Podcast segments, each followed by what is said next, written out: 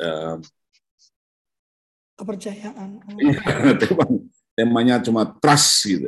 Ya. Oh, trust. Oh. Ya, untuk untuk apa namanya karyawan-karyawan di uh, rumah sakit uh, BRI Medika di Malang. Oh. Terus kemudian kita nyambung di sama teman-teman di sekolah uh, sekolah bina insan cendikia kita ngomong tentang talenta.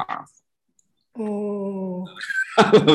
Kayaknya aku tahu bina insan cendikia. Hmm. Kita mulai ya. Nanti waktu ngomong nanti pasti hanya mau disampaikan yakin ya. Selamat pagi sahabat suluh keluarga. Hmm, kita bertemu kembali uh, dalam Kultur Parenting Pagi edisi hari Senin. Ah, Senin lagi ya tanggal 25 Juli tahun 2022. Udah 25 Juli ini minggu terakhir di bulan Juli. Cepet banget ya Pak Amir ya. Tahun ini apa hari itu cepet banget muternya menurut saya itu berarti kehidupan mulai berjalan normal kali ya. Saya balik lagi tuh nyupir jam 5 pagi, pulang sampai rumah jam 11 malam udah mulai lagi ya seperti itu. Agak pontang panting juga. Dan pagi ini ini sebetulnya judul yang diminta itu terkait remaja Pak Amir ya. Tapi oh. saya pikir kita bicaranya yang yang generik lah ya. Eh, bagaimana sebetulnya kita perlu memahami cara kerja. Kalau Kak Pak Amir ini kan fokusnya ke bagaimana cara kerja otak gitu ya Pak Amir ya sehingga ya. kita Kak Amir ya, sehingga kita bisa menyesuaikan. Nah sering kali kita beranggapan anak-anak remaja ini kalau bahasa kalau nenek saya tuh dulu ngomongnya kopeh gitu ya nggak mau denger keras kepala gitu kan. Eh, belakangan saya ketahui ternyata pola komunikasinya yang keliru gitu kan karena hmm. tidak dipahami apa yang sedang berlangsung di benak anak-anak itu gitu kan bagaimana cara kerja otaknya gitu sehingga jaga sembung gitu ya Kak Amir ya kagak nyambung gitu ya. Nah, mulailah terjadi per, apa perpecahan antara orang tua dan remaja langsung ya. Uh, dan saya rasa ini juga uh, uh, luar biasa kalau memperhatikan fenomena yang sekarang nih Pak Amir ya bagaimana anak-anak remaja itu memanfaatkan sosial media ya dan bagaimana orang dewasa memandangnya dan meresponnya. Secara saya karena saling tidak memahami. Dan kita akan langsung bicara dengan pakarnya. Wah ya, saya senang sekali nih gara-gara Pak Irwan saya bertemu dengan Kak Amir nih ya. E, kalau enggak kita enggak kenal ya Kak Amir ya, ya kan? Iya, iya. Kita akan langsung bertemu dengan pakarnya untuk tahu bagaimana sih sebetulnya kita bisa berkomunikasi dengan cerdas. Makanya saya nggak pakai judul efektif, efisien, ah bosan ya. ya. Tapi bagaimana kita berkomunikasi dengan cerdas. Silakan Kak Amir. Bismillahirrahmanirrahim. Assalamualaikum warahmatullahi wabarakatuh. Bagi salam sejahtera bagi kita semua Uh, senang sekali kita berjumpa kembali uh, di uh, apa namanya acara suluh parenting ini ya. Um, hampir aja hampir aja kelupaan gitu ya. Hampir aja kelupaan ya. Gitu. saya pikiran saya itu 27 gitu ya. Pikiran saya 27 loh 27 kan bukan hari Senin ya akhirnya wah Pak alhamdulillah syukurnya uh, Kak Deli mengingatkan juga kemarin ya. Terima kasih. Pas di Pasuruan kemarin Kak Deli mengingatkan. Cuman saya pas oke okay, gitu itu uh, konsentrasinya uh, kurang. Mengira tanggal 27 ya Pak Amir. Ya, saya 27 oh memang pernah uh, kita mulai kan Senin 27 waktu itu ya. Ternyata itu ya. Betul-betul ber, berkesan Teman-teman terima kasih, teman-teman semuanya uh, kita satu jam ke depan kita sama-sama belajar tentang uh, apa namanya tentang dinamika neuroparenting, dinamika pengasuhan uh, anak. Kali ini um, kita membahas tentang remaja, tentang tentang tentang otak remaja ya, tentang teenage brain. Oke, okay. uh, khususnya di di lebih fokus di komunikasi cerdas. Ya benar yang disampaikan oleh uh, Kak Lovely tadi bahwa efek daripada uh, ketidaktahuan kita tentang uh, tentang komunikasi yang yang baik ya sebetulnya ya. Sehingga komunikasi yang kurang baik itu akan komunikasi yang kurang baik itu dicontoh oleh putra putri kita ya nyontohnya tidak gemen-gemen nyontohnya mulai dari sejak sejak anak-anak.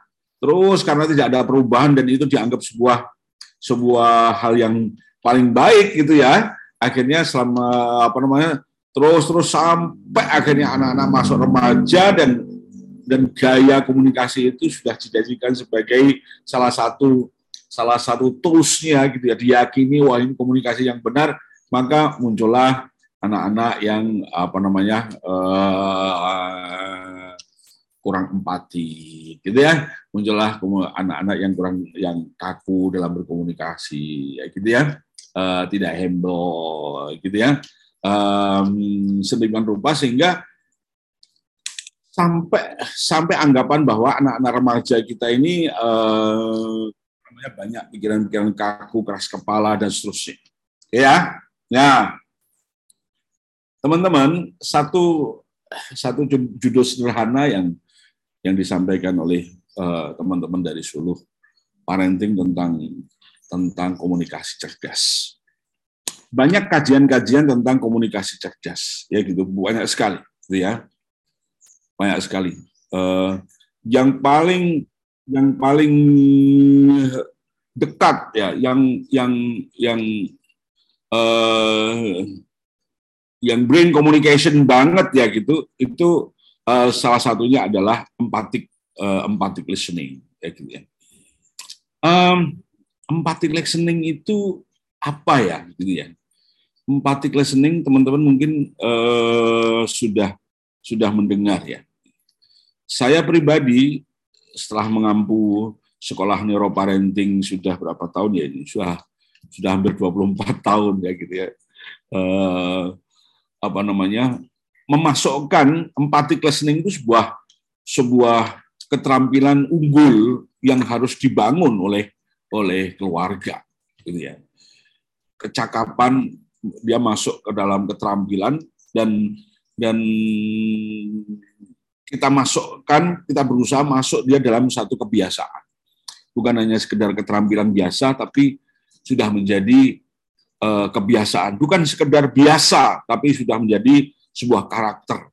Sudah bukan hanya sekedar karakter biasa, tapi karakter spesial, karakter yang mewarnai daripada pola berpikir putra putri kita. Nah, ini ya. Jadi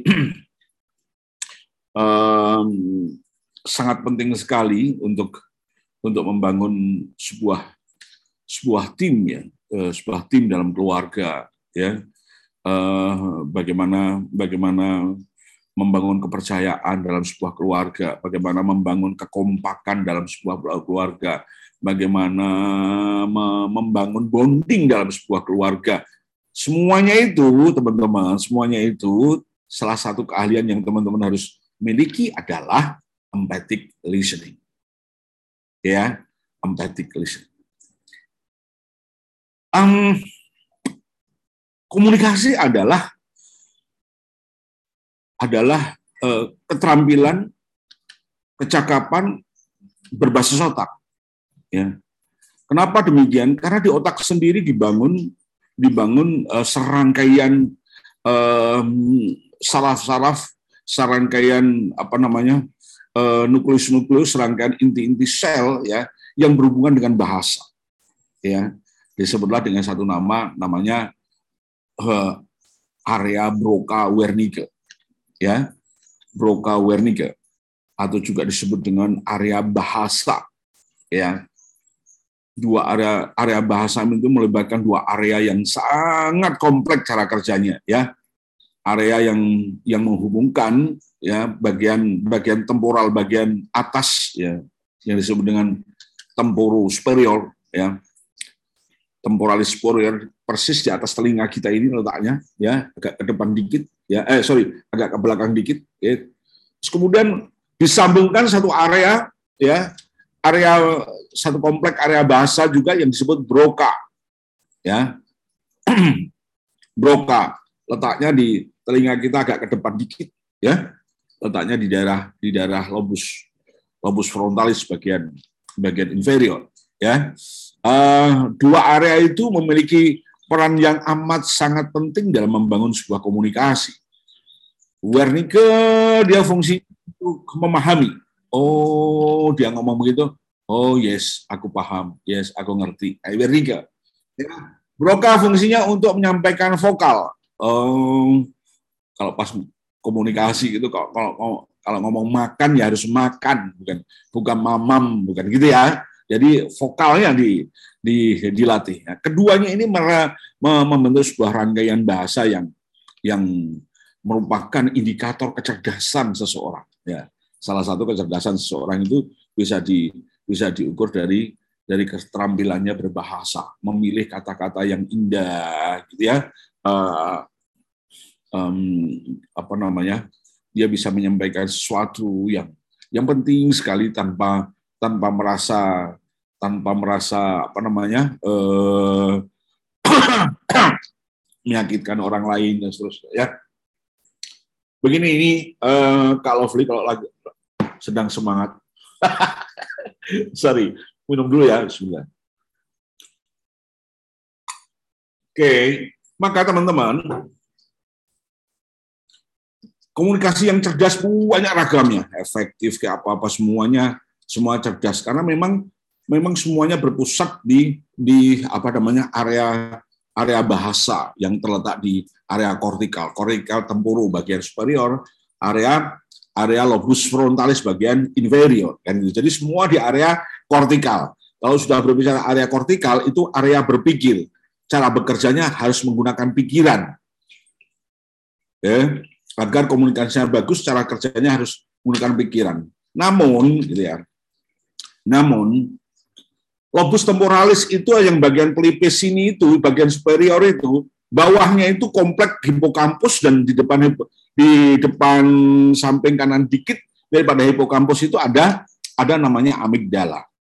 Amigdala adalah area adalah uh, salah satu komponen otak yang memiliki fungsi untuk mengelola emosi. Hipokampus salah satu komponen otak yang mengolah urusan uh, mengolah uh, apa namanya uh, memori. Artinya apa?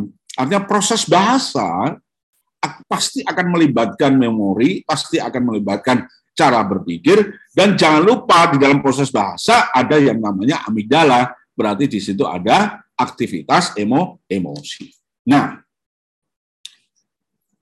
emosi ini yang membuat Eh, kalimat-kalimat, kata-kata, kalimat uh, dalam dalam dalam satu proses komunikasi bisa menjadi begitu indah, bisa menjadi begitu bermakna, bisa menjadi pesan yang sangat-sangat dalam dan seterusnya. Ya, sebaliknya juga uh, pesan yang sangat dalam ini juga akan akan memberikan apa namanya isi pesannya uh, kurang baik tapi sangat dalam, gitu ya misalnya. Uh, atau sebaliknya, ya Eh, seyogianya seyogianya apa namanya um, kalau berkomunikasi ya apa yang anda akan sampaikan itu adalah telah anda sadari. Ya. apa yang anda sampaikan itu sesungguhnya apa namanya telah anda sadari. Jangan sampai nggak sadar. Ya. Jangan sampai kata demi kata emosi yang ada di dalam kata-kata itu harus kita sadari ya. Harus kita sadari tujuannya apa ya.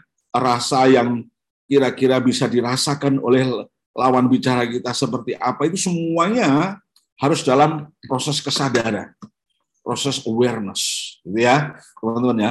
Nah ini ini perlu perlu perlu proses, perlu latihan, ya.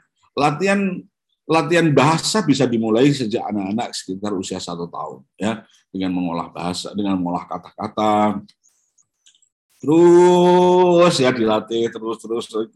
Nah oleh karena latihannya bis karena karena sejak dini ya, latihannya sejak dini gitu ya. Uh, kecakapan bahasa ternyata sangat berhubungan juga dengan dengan aktivitas-aktivitas uh, aktivitas-aktivitas motorik anak gitu. Sehingga teman-teman ketika belajar tentang mengajari anak atau putra-putri Anda tentang motorik halus, motorik kasar, itu sesungguhnya bukannya tidak ada manfaat ya gitu amat sangat bermanfaat gitu ya amat sangat bermanfaat uh, so apa namanya karena di era di era anak-anak usia dini ya apa namanya eh, eh, komunikasi sudah bisa sudah proses sudah sudah berlangsung ya. Siogianya para orang tua memberikan contoh memberikan gaya memberikan apa namanya eh, eh, eh, style gitu ya bagaimana berkomunikasi dengan dengan baik. Kayak gitu kan? Uh, karena sungguh berkomunikasi itu uh, apa namanya uh, melibatkan seluruh rangkaian kecerdasan daripada otak otak manusia gitu ya. nah dari semuanya itu ada satu keterampilan yang saya sampaikan tadi yang bahasa saya sebenarnya bahasa di neuroparenting wajib dimiliki oleh para orang tua. Apa itu? Empathic listening ya. Empathic listening ya uh, menyimak dengan empatik ya uh, empatik didefinisikan sebagai kemampuan meraba rasakan emosi orang lain ya uh, sebelum mampu meraba rasakan emosi orang lain dia harus bisa meraba rasakan emosinya dirinya sendiri oke okay? latihannya ini kapan dokter latihannya sejak anak-anak usia 3 4 tahun 3 4 5 tahun sudah sudah bisa di terus dilatih, dilatih, dilatih, kayak gitu ya. Kalau mulai hanya sekedar kata-kata itu bisa satu tahun, tapi kalau sudah sudah mulai melibatkan um, emosinya, sudah mulai memahamkan apa namanya um, apa namanya uh, komunikasi yang akan disampaikan itu bisa biasanya anak-anak ketika sudah lima tahun gitu lima tahun setengah gitu kita sudah bisa melatih uh, lebih detail sekali bagaimana anak-anak ber, berkomunikasi. Ya. Tentang empathic listening ini sesuatu uh, sesuatu yang yang spesial banget ya untuk untuk putra putri kita ya gitu ya. Karena apa? Karena salah satu salah satu kesuksesan uh, uh, putra kita putra putri kita dalam kehidupan sehari-hari dalam berkarya dalam dalam apa namanya melakukan aktivitas uh, pekerjaan dan seterusnya adalah kemampuan listening empat. Seorang pemimpin, ya, seorang pemimpin yang piawai, gitu ya, yang piawai, gitu. seorang pemimpin yang hebat, seorang pemimpin yang berketeladanan, hampir bisa dipastikan memiliki kecakapan empathic listening. Ya, eh, oleh karenanya, oleh karenanya ini keterampilan yang seyogianya dimiliki oleh para orang tua dan anak akan begitu mudah, anak akan memiliki kemudahan untuk melatih empathic listening. Oke. Uh, santai aja teman-teman kalau ingin bertanya monggo aja gitu. Empat listening itu um, tadi kita definisikan sebagai uh, empat kita definisikan sebagai kemampuan meraba rasakan emosi. Listening itu bukan hearing ya gitu ya. Listening itu mata kita kita copot gitu ya, telinga kita kita copot, mata di depan gitu ya itu apa namanya listening. Bahkan hati kita kita copot gitu kita letakkan di depan sedangkan sedemikian rupa kita mengerti dan memahami dari sudut pandang lawan bicara. Ini ini ini ini hal yang uh, hal yang prinsip banget. Memahami mengerti dan memahami ya. Targetnya mengerti aja sebetulnya. Ya tapi biasanya bisa masuk memahami dari sudut pandang lawan bicara. Jadi kita cukup cukup cukup mengerti dan memahami gitu aja. Tidak ada istilahnya setuju atau tidak setuju, tidak ada. Yes, pokoknya kita kita mengerti dan memahami apa yang yang Anda rasakan. Tidak ada istilah uh, menyelesaikan gitu ya kadang-kadang kan kita kadang-kadang kan kita bisa bilang pas kita ngomong gitu ya kamu seharusnya begini. Nah, gitu kan. Nggak ada itu ya. Cukup mengerti dan memahami aja ya. Cukup mengerti dan memahami aja.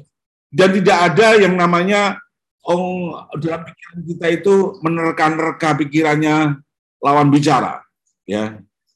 Oh dia sudah mulai sakit hati kayak gitu ya.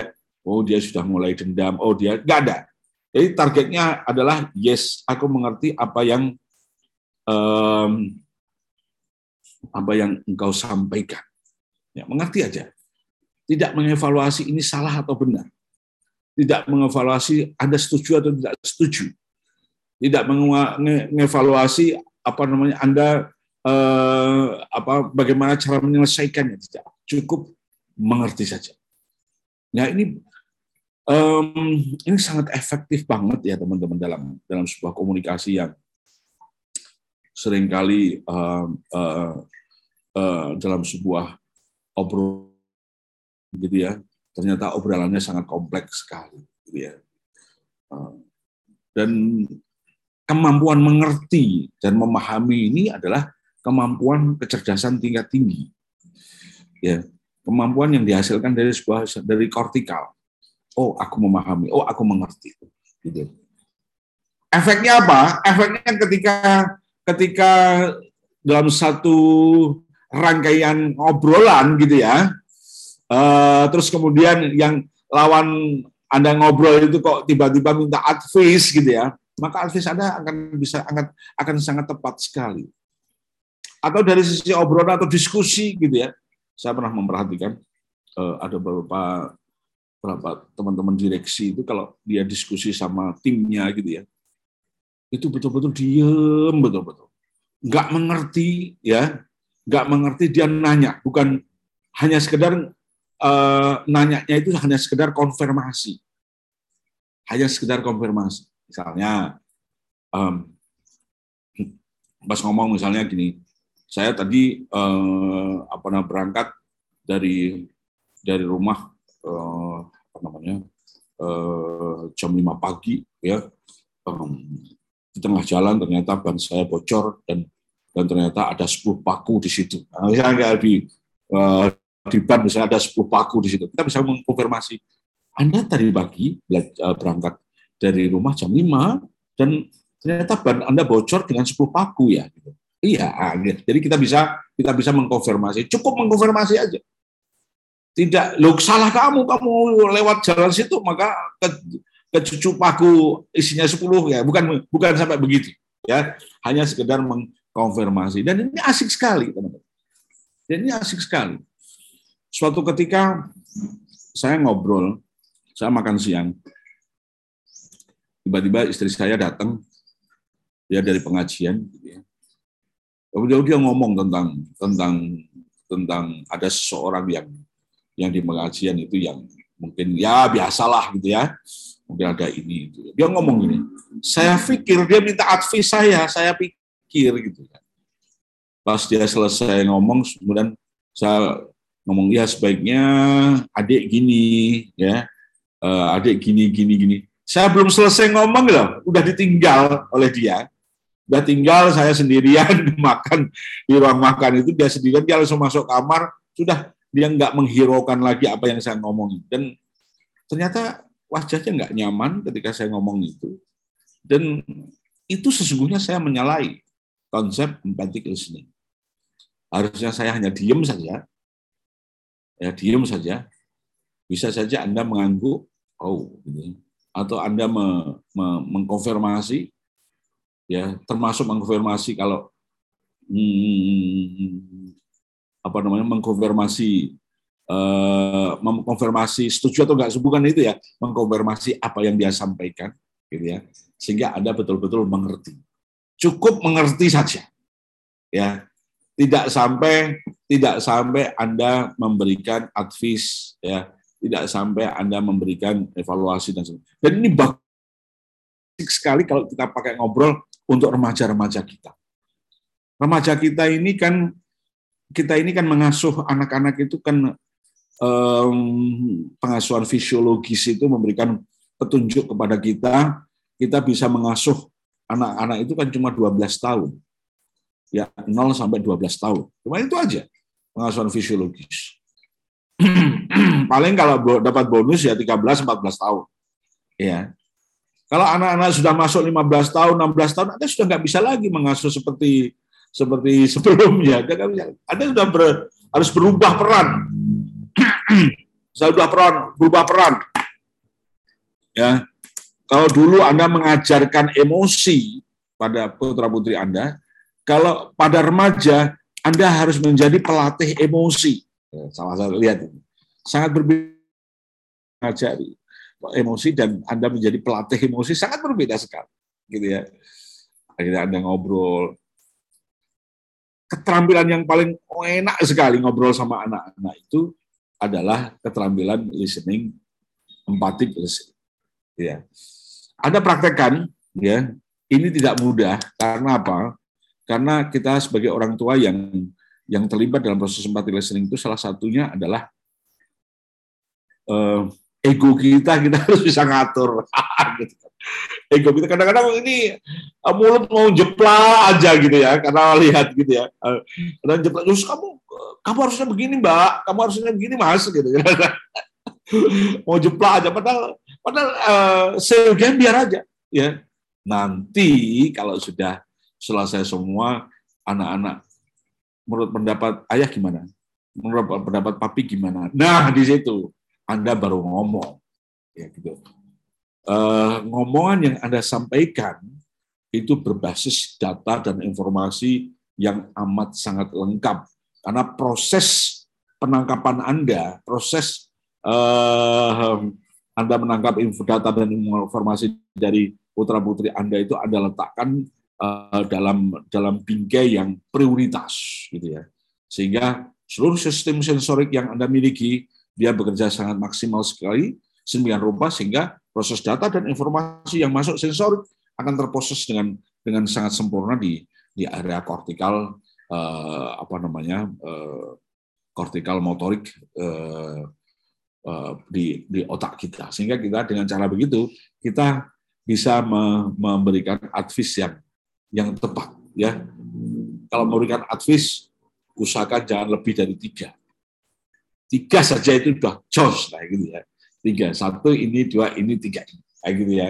Ya kalau bisa satu aja oke okay. tapi yang paling yang paling priority gitu ya. Kalau ingin tambah-tambah dua aja. Ya, jadi total jadi tiga. Semoga bermanfaat. Terima kasih uh, kita bisa kembangkan di tanya uh, teman-teman. Uh, uh, hmm, ini keterampilan yang yang cara menyampaikan kelihatannya sederhana ya tapi cara praktekkan, biuh cara prakteknya, biuh susah banget.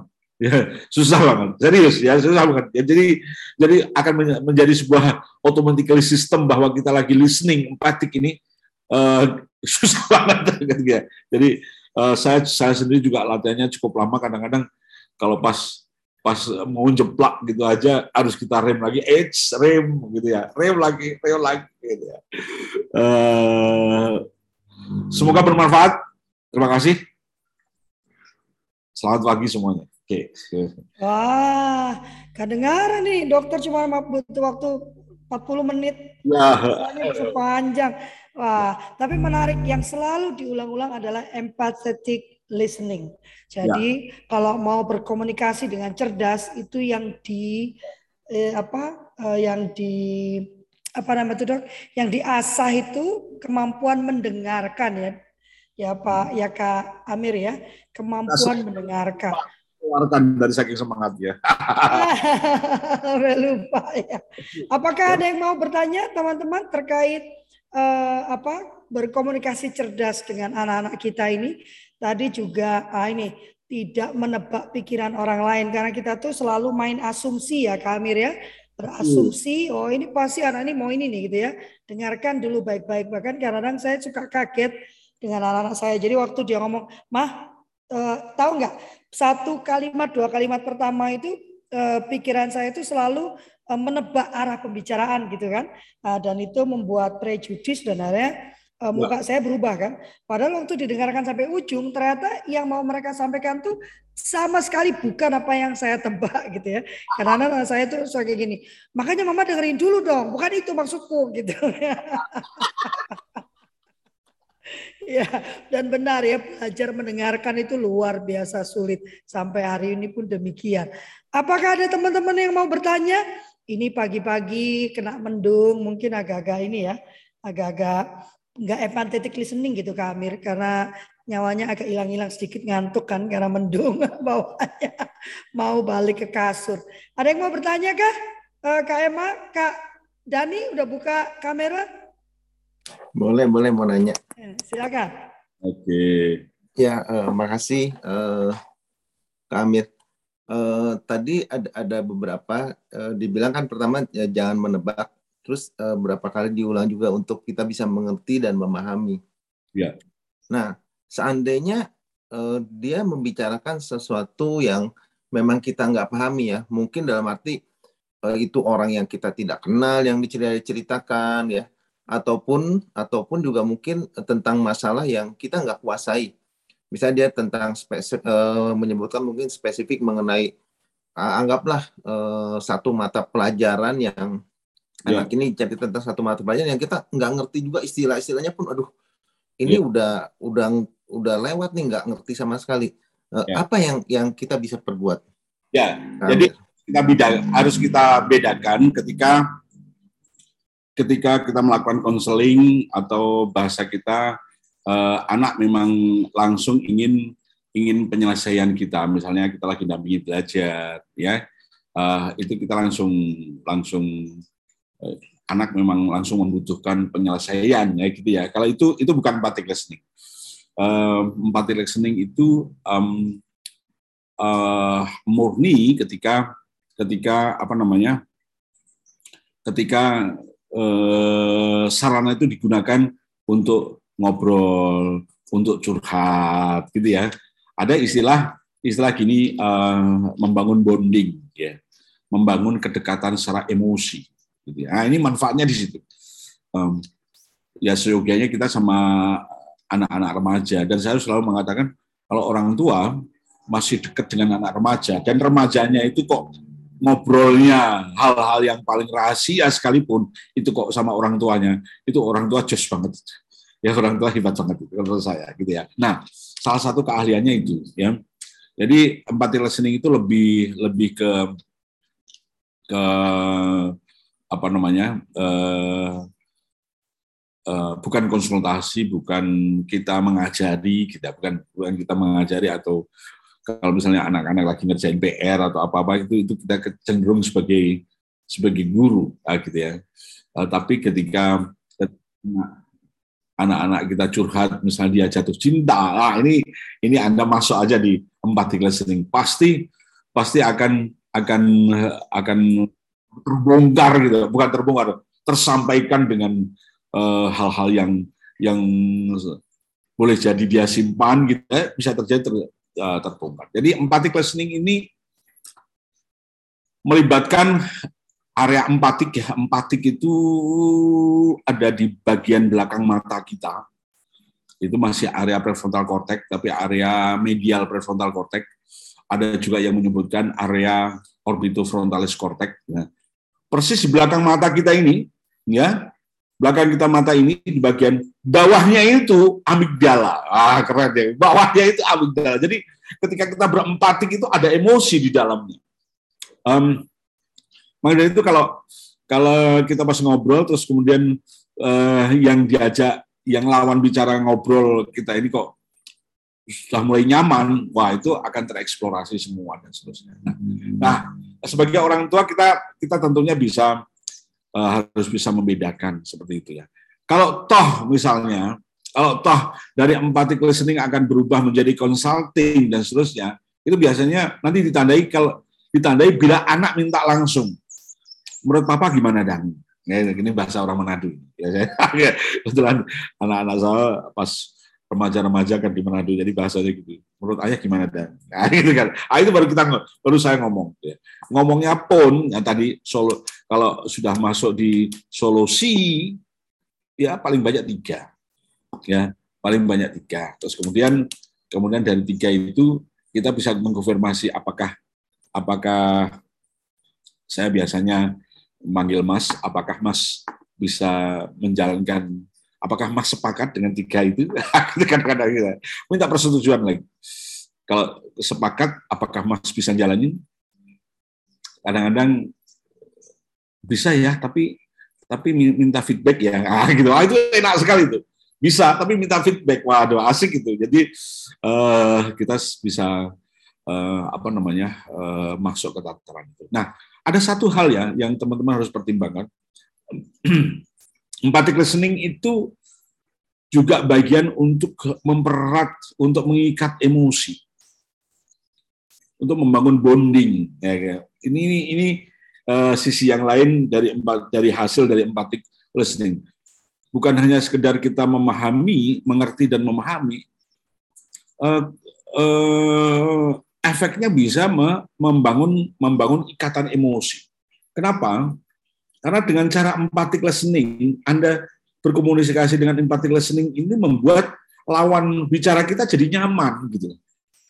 Lawan kita jadi nyaman, jadi enak, jadi menarik kan gitu kan uh, gitu ya. Nah dari situ maka akan menaruh trust pada diri kita. Dia akan menaruh rasa percaya pada diri kita. Sedemikian rupa sehingga kita nanti juga bisa juga akhirnya juga menaruh percaya pada pada remaja kita itu gitu ya. Nah, kalau remaja sudah sudah masuk tataran saling percaya ini luar biasa gitu. Efek efek karya-karyanya remaja itu jadi jadi betul-betul speednya jadi naik gitu ya ya speednya jadi naik uh, apa nama bahkan kalau dia akan berkarya apa apa gitu ya yang harusnya keluar ongkos dari orang tua ongkosnya masih bisa jadi turun gitu kita jadi jadi sudah nggak perlu nggak perlu ongkos banyak banyak kadang anak bisa kreatif apa yang dia uh, uh, dengan apa yang dia bisa bisa lakukan. Ini salah satu salah satu manfaat daripada empathic listening ya. Membangun membangun bonding, membangun ikatan emosi sedemikian rupa sehingga kita akan jauh lebih mudah apa membimbing remaja-remaja kita untuk untuk apa namanya uh, uh, mengasah prestasi-prestasi yang dia yang dia miliki. Begitu Kak Jenny ya. Hmm. Oke, makasih. Terima kasih Kak. Sangat menarik. Jadi sebetulnya aku mau afirmasi ini. Ini kafe ini udah buka kamera mau bertanya? Oh, Kak Feni, ya. ya. Silakan Kak. Ayo. Halo Fli, aduh ya. menarik ini komunikasi emang selalu krusial. Um, ini Kak Zuhdi, jadi uh, saya pernah uh, salah menempatkan diri sebagai uh, apa orang yang uh, apa dicurhatin lah gitu. Istilahnya salah menempatkan diri ketika kita eh, dalam waktu sepersekian detik eh, menempatkan diri sebagai seharusnya kita harus menjadi empathic listener sebagai orang yang eh, hanya eh, sepenuhnya mendengarkan tetapi tiba-tiba karena perbedaan uh, usia mungkin bukan remaja ya. Kalau kalau remaja memang saya memang mesti berhati-hati karena saya pikir, nah ini kesalahan saya yang sering kali terjadi. Saya pikir uh, orang tersebut sudah berusia, sudah dewasa, tetapi cara berpikirnya masih belum dewasa begitu.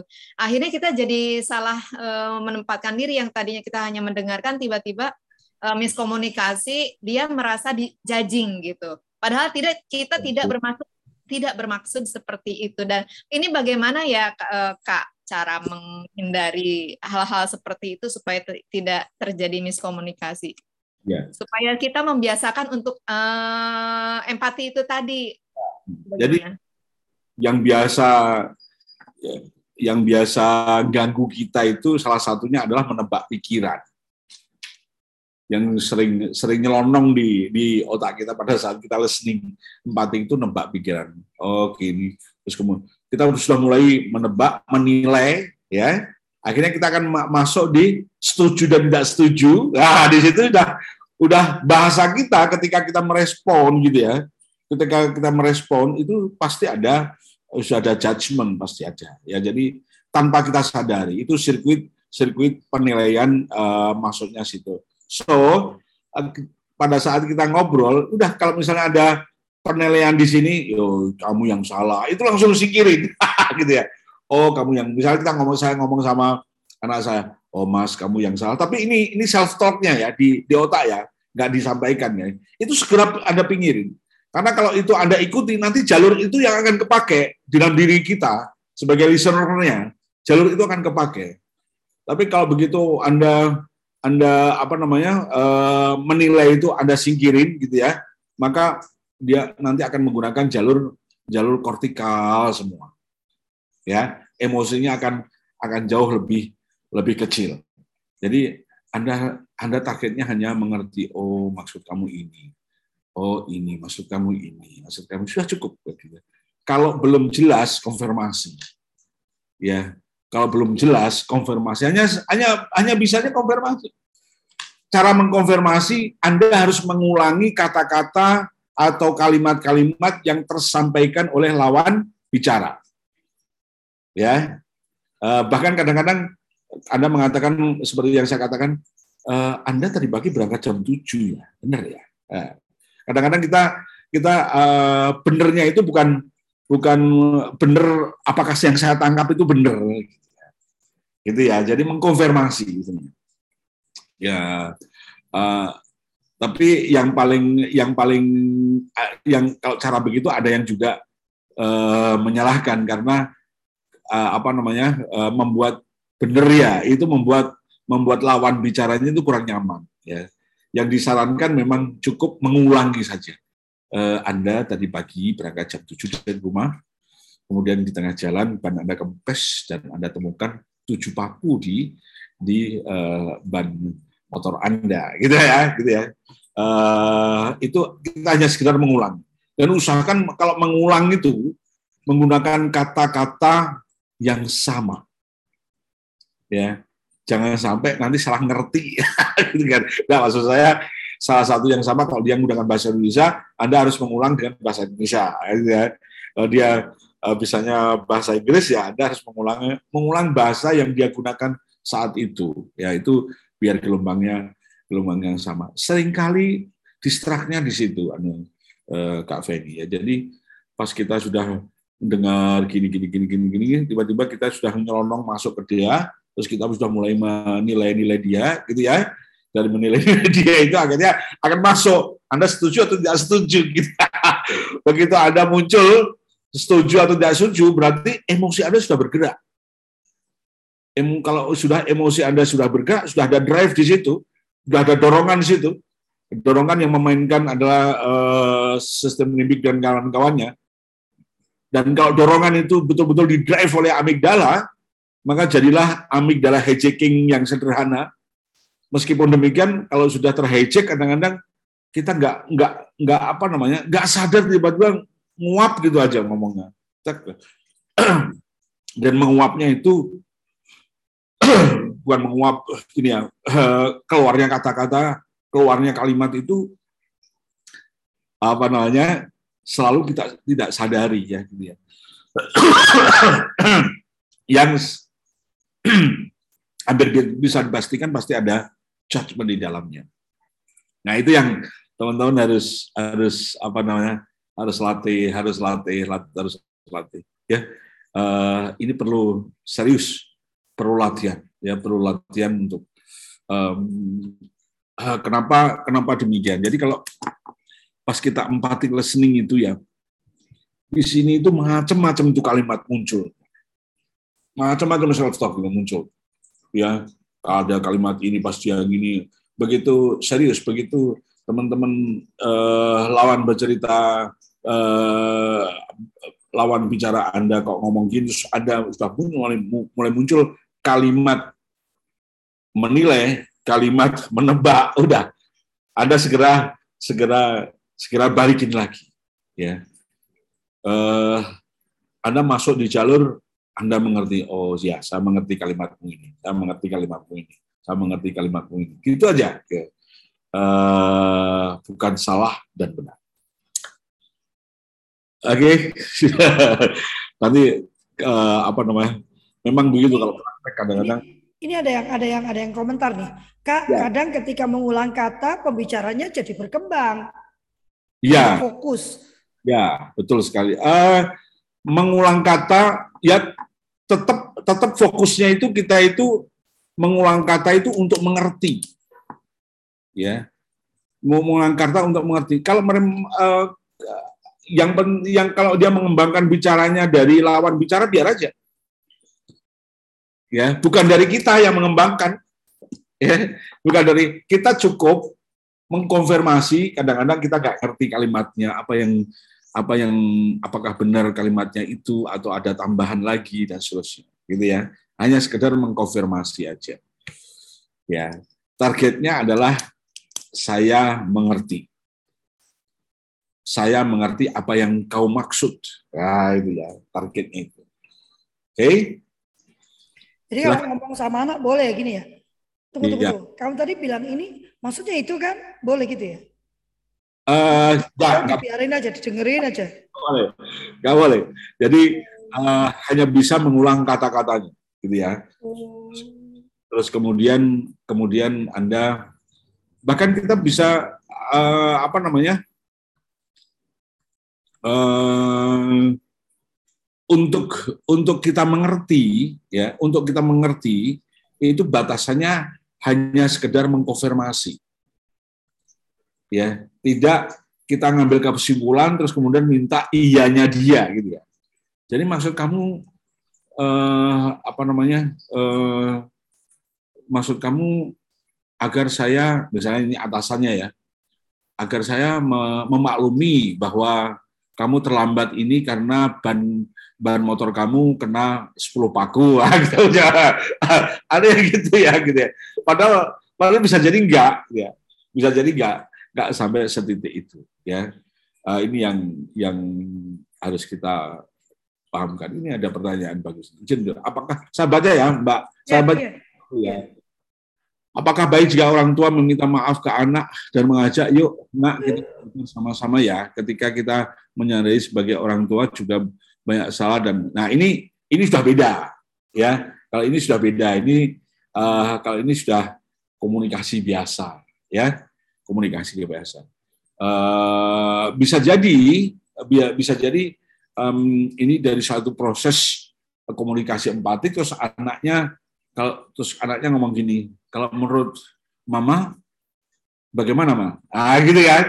Ya sudah kita mulai aja yang baru gini-gini. Kan sudah menurut mama tadi ya. Jadi jadi anak sudah memberikan anak atau lawan lawan bicara sudah memberikan eh, pintu pada kita untuk kita menyampaikan statement berdasarkan apa yang kita pahami, apa yang kita mengerti atas komunikasi tadi. Gitu ya.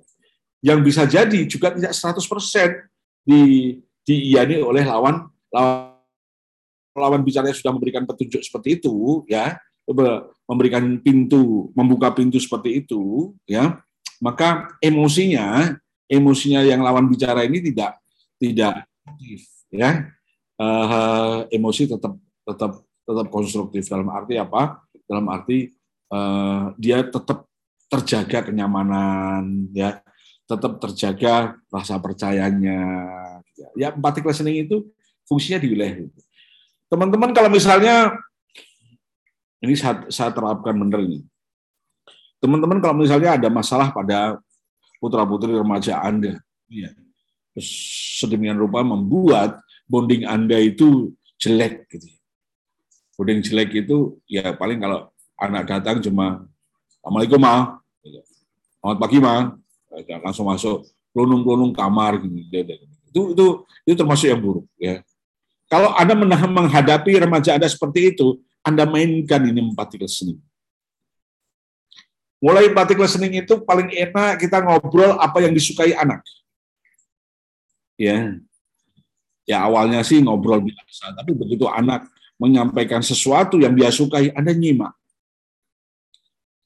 Anda nyimak, terus kemudian kemudian nanti uh, ketika ketika Anda Anda menyampaikan persetujuan Anda, ya uh, itu itu anak relatif relatif nyaman mendengar mendengar persetujuan Anda. Misalnya pas sudah ngomong ini sudah keluar dari empathic listening ya, pas keluar empathic listening Anda bilang ya, kalau mama juga demikian.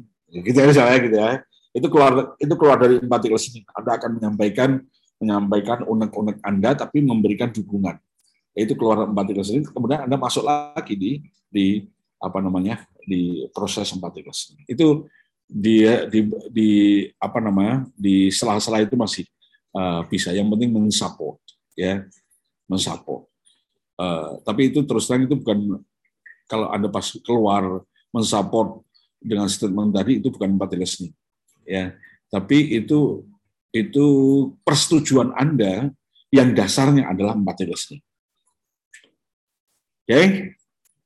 Oke, apalagi silakan. Sangat menarik. Ayo teman-teman, ini menurut saya sangat menarik. Hai Kak Irwan, sudah lebih sehat? Eh, iya. Kak Irwan sakit ya? Gak enak ah, badan sakit, katanya. Sakit tua, sakit tua. Tunggu.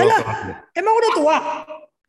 Emang oh, di sini muda karena dipanggil kakak gitu kan. Iya. Nah, yakin aku Kak Irwan tua. Iya, yeah, komen sedikit dok memang. Silakan Kak Irwan. Uh, menarik ya karena memang selama ini kan kalau dalam teknik interview atau uh, untuk mendiagnosa, mendiagnostik anamnesa gitu kan kita selalu berkomunikasi gitu kan. Nah selama ini yang memang uh, kami pelajari kan yang ada istilahnya tuh active listening gitu ya, menyimak ya bukan mendengar tapi menyimak secara aktif gitu. Sebetulnya memang lebih lebih tepat kalau menggunakan uh, terminologi dari uh, Dokter Amir tadi gitu ya empathy, empathy uh, communication ya. Itu ya. mungkin lebih enak. Jadi memang uh, ya diingatkan selalu ya kalau lagi uh, airing memang mudah ya dok ya. Tapi yang namanya kita manusia kadang-kadang ya hanyut juga. Ya. ya dokter juga manusia, psikolog juga manusia gitu ya. Jadi memang kalau ada istilah yang biasa digunakan dari CPR Berne yang tingkat kesadaran itu ya. Jadi seakan-akan waktu kita berkomunikasi itu kita juga ada di atas yang sedang mengamati kita berkomunikasi. Jadi ada meta komunikasi, ada meta persepsi. Itu aja komen saya. Uh, terima kasih, sangat menarik. Terima kasih kembali. Oke, yuk silakan. Makin makin ini nih, makin panas nih diskusinya. Ayo teman-teman, ada yang mau bertanya kah? Ini ini banyak sekali loh yang bisa ditanyakan sebetulnya. Nanti kalau enggak, Lovely sendiri nih. Ah, Kak Fatima silakan. Uh, selamat pagi. Selamat pagi. Di mana uh, Tadi sudah disampaikan kalau anak me menyampaikan kesukaannya kita harus mendengar.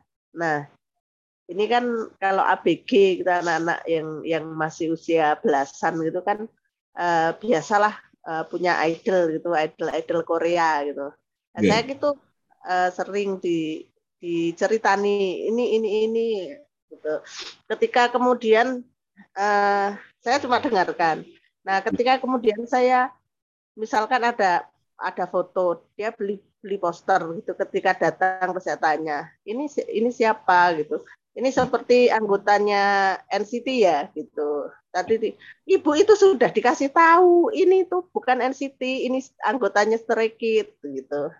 Kayaknya marah gitu kalau apa ya soalnya kalau ini grup-grup itu ya grup-grup Korea itu kan anggotanya kan banyak-banyak kemudian juga grupnya banyak jadi dia itu harapannya saya juga hafal anggota-anggota grup band itu seperti seperti dia gitu Nah, ya. itu uh, menyikapinya bagaimana? Nah, jadi Terima kasih. Ya, ini penting sekali, Bun. Um, salah satu salah satu fungsi dari empathic listening ini kan apa namanya? Ini sarana atau alat untuk membangun bonding kita. Bahwa uh, kedekatan secara emosi antara orang tua dan anak ini sebuah keniscayaan ya. Uh, sampai kapan pun ya itu itu sangat sangat baik sekali untuk uh, apa namanya membangun perkembangan diri sampai perkembangan keluarga dan seterusnya tim dan keluarga gitu ya. Nah, kalau kita ingin dekat sama anak memang salah satu yang kita yang kita lihat itu eh, apa sih kesukaan anak itu? Apa sih hobinya anak? Apa sih eh, ya termasuk kesukaan bermainnya apa termasuk termasuk tadi misalnya band ya gitu ya.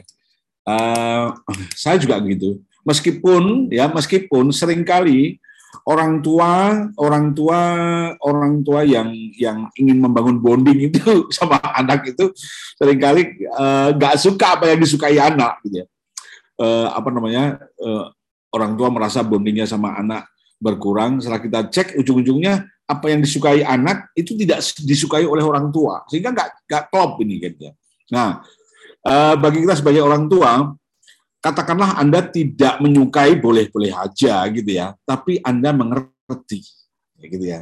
Anda mengerti bahwa anak Anda suka ini, gitu ya.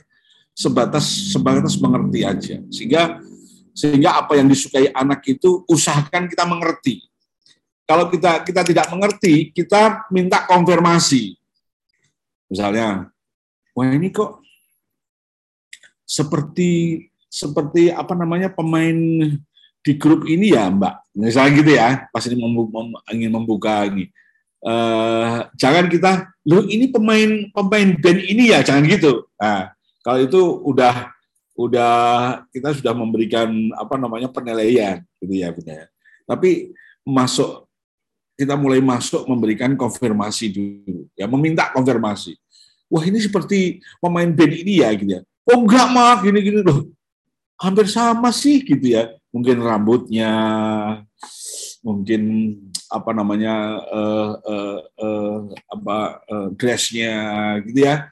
Uh, anda Anda bisa menyampaikan mama sih melihat dari rambutnya gitu ya. Dan usahakan usahakan ada ada dari semua katakanlah tadi ya um, dari artis band tadi ada satu yang yang benar gitu ya. Misalnya lo bukannya dia ini pakai kacamata? Oh iya mah kalau pakai kacamata iya. Gitu kan. Tapi dia ini bukan bukan band ini. Ya, itu itu sudah sudah cukup untuk untuk membangun apa namanya eh, irisan irisan uh, apa uh, antara anak sama orang tua dan kalau sudah begitu anda bisa bisa putra putri anda bisa mulai bisa bisa bisa lebih nyaman ya di samping anda gitu ya ngobrol dan seterusnya itu pun. Oke. Udah Kakak Fatima ya. Terima kasih. Terima kasih. Ya. Ini ya. ini udah lebih 8 menit. Ini Kak Sumarti buka kamera mau bertanya atau gimana? Iya, yuk. Ayo satu lagi. Kalau uh. memang mau bertanya. Kakak mau bertanya? Enggak? Oke. Okay. Iya. Oh enggak. Oke. Okay. Ya. Uh, silakan uh, apa uh, penutup Kak oh. Amir.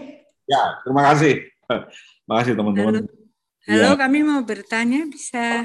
Oh, monggo. Lovely. Oh, boleh, satu boleh. Boleh Kak Emma. Ya, Assalamualaikum warahmatullahi wabarakatuh. Tadi mengenai pertanyaan Ibu Fatimah ya. Ya. Geng musik Korea. Bahkan anak-anak sekarang itu itu lagi in sekali ya. Yeah. Kebetulan kami punya anak remaja wanita. Yeah. Ya sekitar 13. Iya. Yeah. Ya alhamdulillah anak saya anak kami tidak terlalu suka, tapi yeah. tiap ada sekolah, geng temen atau apa tuh selalu dia tanya, kamu suka nggak sama geng ini? Kata anak saya, saya kurang kurang suka gitu. Lah sebaiknya kamu kalau nggak suka sama itu, kamu jangan berteman sama saya. Selalu itu di yeah. yang sekolah di mana. Nah yeah. itu yeah. bagaimana menyikapi anak yeah. kami suka bertanya, di mana ya Mahya aku ininya?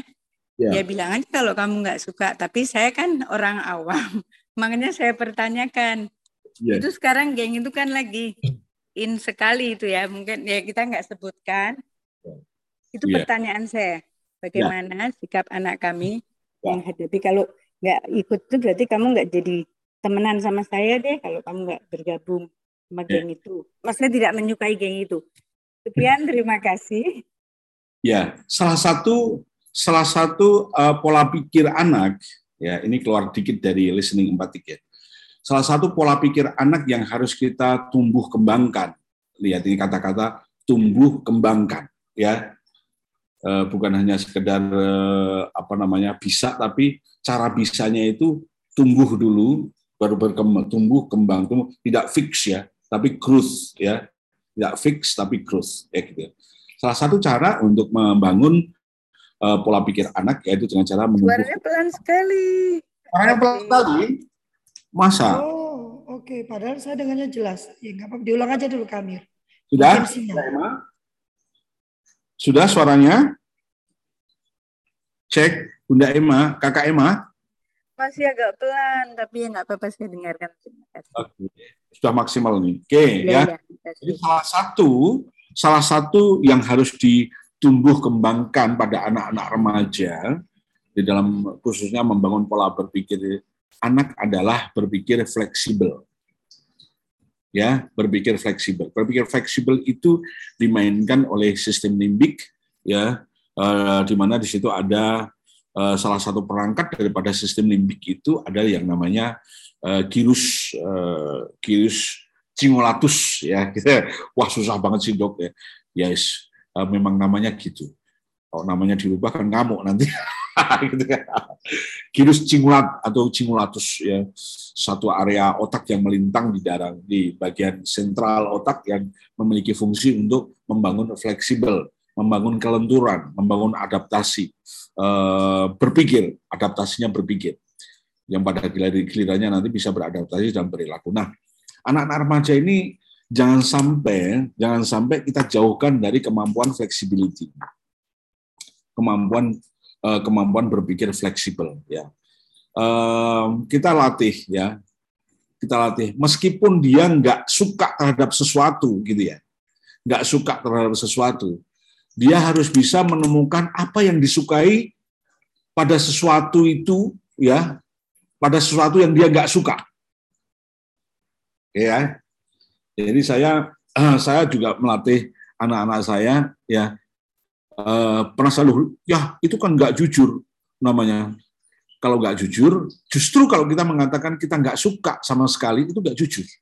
Pasti ada yang disukai. Ya mungkin warna warna apa namanya gaunnya mungkin suaranya yang begitu merdu gitu ya. Jadi kita melatih teman eh, anak-anak kita eh, kalau dia nggak suka sesuatu gitu ya kita bimbing dia yang kamu sukanya mana. Sekecil apa pun usahakan ditemukan agar bisa membangun fleksibilitas kognitif atau kognitif flexibility, kemampuan berpikir kognitif. Nah ini penting sekali, penting sekali uh, ketika nanti apa namanya um, dia bekerja uh, terus menghadapi menghadapi kondisi-kondisi uh, lapangan, kondisi-kondisi penuh persaingan ya seperti sekarang ini kan luar biasa ini persaingan ya. Vokanya belum selesai sudah ada disolusi, disolusi sudah belum selesai ada pandemi wah lagi deh. Tapi tetap kita harus survival kan gitu kan. Nah, cara untuk survival itu adaptasi. Cara bisa adaptasi adalah pikiran-pikiran kaku itu kita lenturkan. Ya, kita lenturkan. Salah satu area otak yang kita lenturkan itu yang namanya korteks cingulatus itu. Itu bisa dilenturkan dengan apa berenang dan seterusnya. Ya, nah Bunda, uh, jadi uh, ketika ini salah satu aktivitas bimbingan untuk anak-anak remaja kita ya. Gitu. Kalau kalau pas anak-anak dia bilang aku nggak suka mah, ya sudah kita toleransi gitu ya. Nggak apa-apa kalau pas anak-anak usia 6 tahun, 7 tahun, aku nggak suka itu. Gitu ya. Uh, Cuma ketika kognisinya sudah mulai berkembang, terutama ketika anak-anak usia sudah usia 10 tahun ya, sudah mulai berkembang, Anda kita mulai melatih ya uh, menemukan dari sudut pandang yang lain. Ya, melatih anak dari sudut pandang lain. Ketika dia nggak su nggak suka sesuatu kan dari sudut pandang sini. Tapi kalau dari sudut pandang sini bisa jadi dia suka. Oke ya. Nah, ini embrio untuk melatih listening empatik listening empati itu kemampuan bisa memindahkan sudut pandang dari sudut pandang yang lain. Nah ini ini memindahkan ini gampang-gampang susah, gampang-gampang susah, gitu ya. Cuman kalau teman-teman sudah bisa fleksibel ini, ini keren banget, ya. Banyak orang pinter tapi tidak fleksibel. Efeknya apa? Dia hanya bisa kerja sendiri. Ya, kerja kelompok, wah benturan terus. kelompok benturan terus kan gitu. Uh, sehingga sehingga potensi yang dia miliki yang harusnya uh, pas kerja kelompok menjadi sesuatu potensi yang hebat, dia tidak, dia akan kesulitan untuk menggapai itu. Nah, hanya satu keterampilan yang namanya cognitive flexibility. Cara melatihnya seperti ini. Uh, dia nggak suka pemain ini.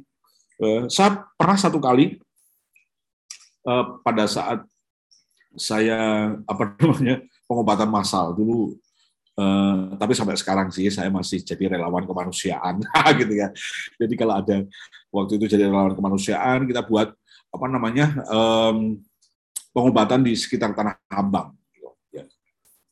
ada satu orang datang dengan celana pendek masih di bawah dengkul ya terus kaosnya itu kaos kaos kaos cangklek gitu ya. Kaos cangklek itu kaos yang tidak ada tidak ada apa namanya bahunya di sini hanya begitu ya. Dia datang sekujur tubuhnya saya pikir dari jarak jauh ini bapak ini aneh sudah pakai baju gini, rangkepannya batik lagi ya gitu ya. Saya pikir saya pikir pakai celana panjang batik gitu saya pikir. Terus bajunya batik terus di terus dirangkepin di luarnya itu pakai kaos cangklek kelihatannya begitu. Sampai dekat ternyata apa? Tato semua ternyata. tato dan tato apa namanya? Tato batik gitu. Nah, dia datang situ dengan satu keluhan rasa periksa ada indikasi serosis hepatis ya. Ada pengerasan daripada liver yang diakibatkan memang dia punya kebiasaan dulu katanya dulu kalau sekarang udah enggak gitu ya. dulu itu uh, minum minuman keras dan seterusnya. Awalnya dalam benak saya ini waduh gila ini. Pasiennya orang jahatnya gitu tapi sekilas itu saya langsung delete saya langsung geser itu oh tidak uh, sejelek-jelek apa pun ini ciptaan Tuhan gitu akhirnya saya bisa bisa delete bisa bergeser gitu ya. Oke, bisa jadi dia uh, pernah melakukan kejahatan dan seterusnya gitu ya. Tapi boleh jadi sekarang dia bisa sudah jadi orang baik-baik bisa jadi kan gitu kan. Dan kata-kata bisa jadi sekarang dia orang baik-baik itu saya harus memastikan sampai gitu. Saya harus memastikan bahwa dia orang baik-baik. Apa yang terjadi sesudah pengobatan saya cari alamatnya itu. Alamatnya orang itu. Saya cari dan saya dapatin. Dan apa yang terjadi benar dia seorang ayah, seorang ayah yang disayang anaknya, seorang suami yang disayang istrinya, seorang anggota anggota masyarakat yang masyarakatnya sayang sama dia, minimal tetangganya. Gitu. Minimal pas saya nyari-nyari itu orang menangkap kata-kata namanya orang tersebut itu tidak ketakutan. Justru dia, saya diantar di sini Pak dan saya disambut dengan dengan sangat baik dan gitu. Dan itu itu salah satu cara saya untuk uh, membangun flexibility kognitif saya agar tidak tidak apa namanya tidak kaku ya Bun ya. Nah, melatih kognitif flexibility itu paling enak itu ya, paling enak itu di remaja. Ya, remaja itu maksudnya paling enak termasuk prakteknya itu paling enak remaja. Karena di dalam remaja itu ada perning, proses pemangkasan yang tidak bermanfaat gitu ya. Nah, ketika kita masih mengasah pikiran-pikiran eh, anak-anak agar fleksibel, fleksibel, maka pikiran-pikiran yang kaku itu akan mengalami perning, akan mengalami pemangkasan. Oke, sehingga rupa sehingga anak-anak akan terus latih, terus latih gitu ya. Nah, uniknya, uniknya pikiran-pikiran yang kaku seperti ini sebetulnya di, dilatih oleh orang tuanya sendiri gitu gitu. Jadi orang tuanya kaku akhirnya anaknya juga jadi kaku. Allah alam teman-teman silahkan melatih ya. Sekaku kakunya anak anda latih dengan cara pandang yang lain gitu ya. Cara pandang lain yang kalau kalau ngomong cara pandang lain jangan engkel gitu ya jangan engkel jangan wow enggak wah gitu gini jangan hanya sekedar asumsi aja bisa jadi Anda temukan, lihat ini, ini kamu nggak suka, tapi tapi lihat ini, eh, ternyata dia suaranya bagus banget, kan gitu kan. Eh, ternyata dan cari yang baiknya, pasti ada yang baiknya agar agar otak kita itu bisa mudah bergeser. Ya, kesulitan otak kita bergeser bergeser dari sudut pandang. Ini yang membuat membuat pikiran kita itu atau bahkan keputusan kita itu jadi jadi berantakan. Kan, ya. Melihat gajah dari satu sisi, yang mengatakan gajah itu seperti pohon kelapa. Ketika karena di sisi sisi apa namanya kakinya gitu ya. Tapi ketika sisi yang lainnya dia megang ekornya karena gajah itu kecil dan seterusnya. Nah ini ini salah satu yang harus kita latih ya terutama pada saat nanti di remaja itu latihan fleksibel latihan nyari sudut pandang dari dari sisi yang berbeda nah, Oke. Okay. ya, udah lebih 20 Baik, menit loh, luar biasa loh. jawabannya. 20 menit luar biasa. ya, ya kita sekali. tutup ya. Uh, Kak Amir mau memberikan kata penutup? Oke. Okay. Ya. Uh, terakhir adalah uh, empathic listening adalah sebuah kebiasaan yang kebiasaan keterampilan yang harus Anda biasakan ya. Tanpa tanpa uh, melibatkan tanpa usaha membiasakan, maka empathic listening itu hanya sebagai jargon doang aja, gitu ya. Ini yang namanya keterampilan, maka bukan hanya sekedar knowledge-nya. Ya, hari ini saya menyampaikan knowledge-nya aja, how to know-nya. Tapi teman-teman harus melakukan how to do-nya. Ya, tanpa how to do nggak jadi ini, nggak nggak keahlian ini nggak nggak nggak bisa tercipta, gitu ya.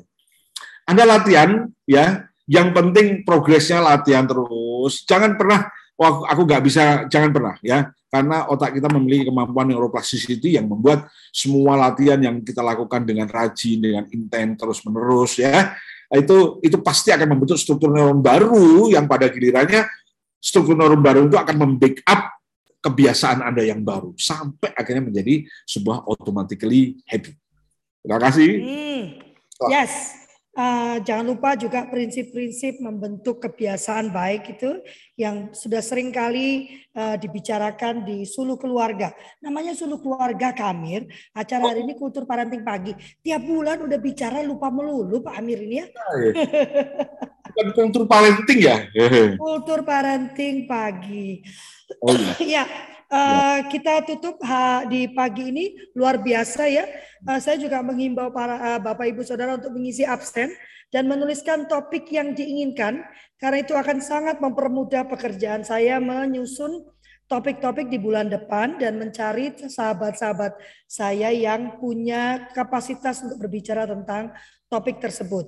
Ya, hari Rabu, nah kita akan bertemu dengan Kak Irwan. Ya. ya Kak Irwan yang akan uh, mengisi di hari Rabu. Ini saya belum dapat konfir apa uh, waktunya uh, Kak Yanti ya. Teh Yanti masih sibuk banget ya kan terbang melulu ya. Dan di hari Jumat ya nanti saya yang akan mengisi Kak Irwan hari Rabu apa judulnya lupa loh. Lupa aku. Apa Deli judulnya? Apa? Judulnya hari Rabu kan disiplin kan? Ya, hari Rabu topiknya antar ya.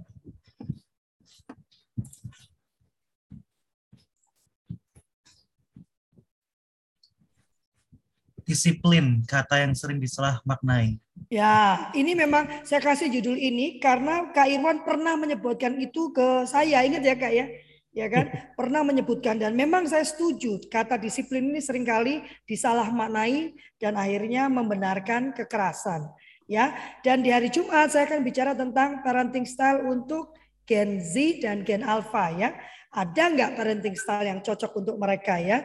Nah, nanti kita ketemu lagi di hari Rabu dan hari Jumat. Dan teman-teman uh, teman-teman bisa membagikan link YouTube-nya ya uh, di kultur parenting atau juga Spotify-nya. Jadi kalau dirasa pagi ini sangat luar biasa, silakan dibagikan ya supaya teman-teman yang lain bisa menikmati dan belajar dari topik-topik yang kita sediakan. Kalau Anda ingin mendukung dan bergabung menjadi anggota, Anda bisa melakukan pendaftaran 150.000 per tahun dan Anda akan mendapatkan uh, sertifikat bulanan apabila ikut minimum 8 kali dalam satu bulan. Dan diskon 20% untuk semua pelatihan dan yang kita lakukan atau yang kita dukung. Bulan depan akan ada pelatihan tahap satu untuk coaching, untuk keluarga dan guru. Jadi ada tahap satu, tahap dua, tahap tiga. Uh, besok adalah tahap satu. Silakan Anda menantikan informasinya. Saya akan bagikan flyernya uh, hari ini. Ya, yang mau ikut silakan uh, coaching bersama Kak Maria ya. Maria uh, Kak bukan Maria, siapa namanya Dek? Kok aku lupa ya. Hari ini capalapata banget ya. Jadi bukan Lovely ya, Lovely mah tidak jago. Ada coach uh, yang akan melatih kita bagaimana dasar-dasar menjadi seorang coach. Kita berfoto yuk. Mari berfoto, Kak Deli. Ya, sambil saya tutup ya, terima kasih banyak atas kehadirannya. Hari ini sampai 25 orang, luar biasa ya. Eh, dan saya memohon maaf yang sebesar-besarnya apabila ada pertanyaan, ada sikap, gestur, pernyataan yang kurang berkenan. Kami tidak ingin merendahkan, tidak ingin memojokkan, tidak ingin uh, menghakimi, bahkan juga bukan ingin menggurui, tapi ingin membagikan apa yang menjadi keyakinan kami. Saya yakin Kak Amir juga mempraktekkan ini kepada anak-anaknya ya. Jadi yang paling penting kami sampaikan, kami yakini, dan kami usahakan, kami coba untuk terus kami terapkan. Terima kasih banyak. Wassalamualaikum warahmatullahi wabarakatuh. Tuhan memberkati. Makasih Kak Amir. Pak Irwan, semangat. Oke, okay, always, always. Mari saya pamit ya. Pamit.